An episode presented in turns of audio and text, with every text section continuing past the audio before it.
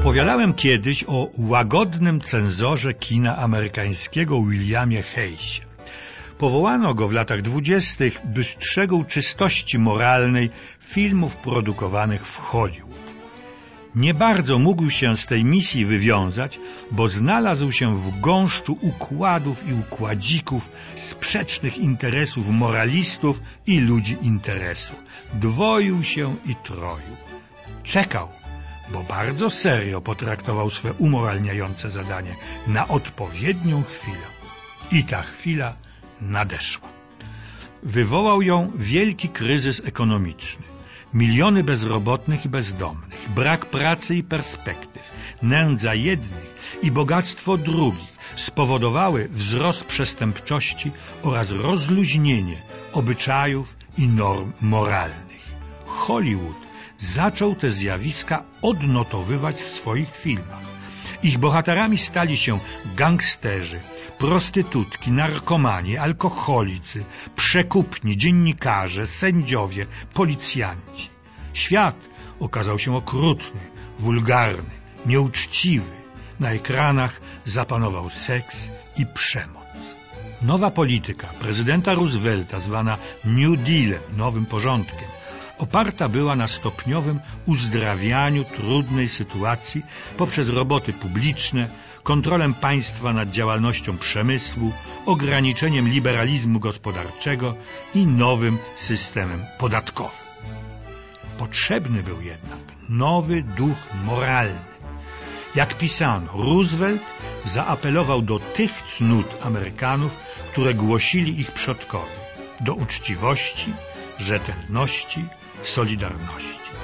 Był piewcą cnót prostego człowieka i właśnie w prostych ludziach, ich przyrodzonych cnotach i fundamentalnym poczuciu moralnym szukał oparcia dla swego programu politycznego, określanego jako populizm. Nic dziwnego, że podniosły się kolejny już raz głosy przeciwko filmom, które w sposób dla jednych tylko realistyczny, dla innych jednak przejaskrawiony pokazywały życie Ameryki. Przypuszczono frontalny, gwałtowny atak. W awangardzie znalazł się Legion Przyzwoitości, coraz potężniejsza organizacja jednocząca wszystkie konserwatywne siły. Tarczą, do której strzelano najczęściej i z lubością, była May West. Ta znakomita aktorka stworzyła na ekranie fascynującą i bulwersującą postać kobiety nieprzestrzegającej purytańskich norm i zasad, używającej mężczyzn jako źródła luksusu i rozrywki.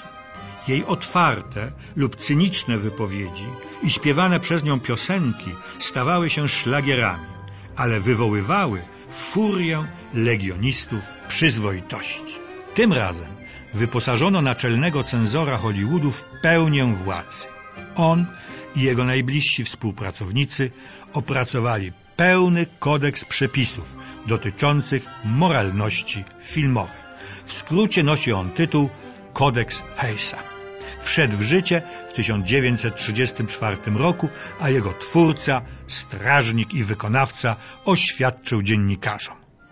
My, proszę panów, robimy filmy dla robotników z Pittsburgha, dla farmerów z Minnesoty, dla kowbojów z Far Westu, dla ludzi prostych, a nie dla wykształconej elity. Musimy im dawać rzeczy zrozumiałe, a jednocześnie umoralniające. To nie były żarty. Za złamanie przepisów zawartych w kodeksie groziła grzywna w wysokości 25 tysięcy dolarów. A jakie to były przepisy? Nie mogły być ogólnikowe, przeciwnie, musiały być bardzo dokładne. Oto niektóre z nich. Nie wolno pokazywać leżących w łóżku mężczyzny i kobiety, jeśli nie są oni małżeństwem. Para taka, jeśli znajduje się na łóżku lub tapczanie, musi trzymać stopy na podłodze. A w ogóle akcja rozgrywająca się w sypialni nacechowana musi być delikatnością i rządzona poczuciem dobrego smaku. Nie wolno pokazywać organów płciowych nawet u noworodków. a nagość dopuszczalna jest jedynie u tubylców w filmach etnograficznych z krajów egzotycznych. Nagość, namiętne pocałunki i sceny rozbierania się są niedozwolone.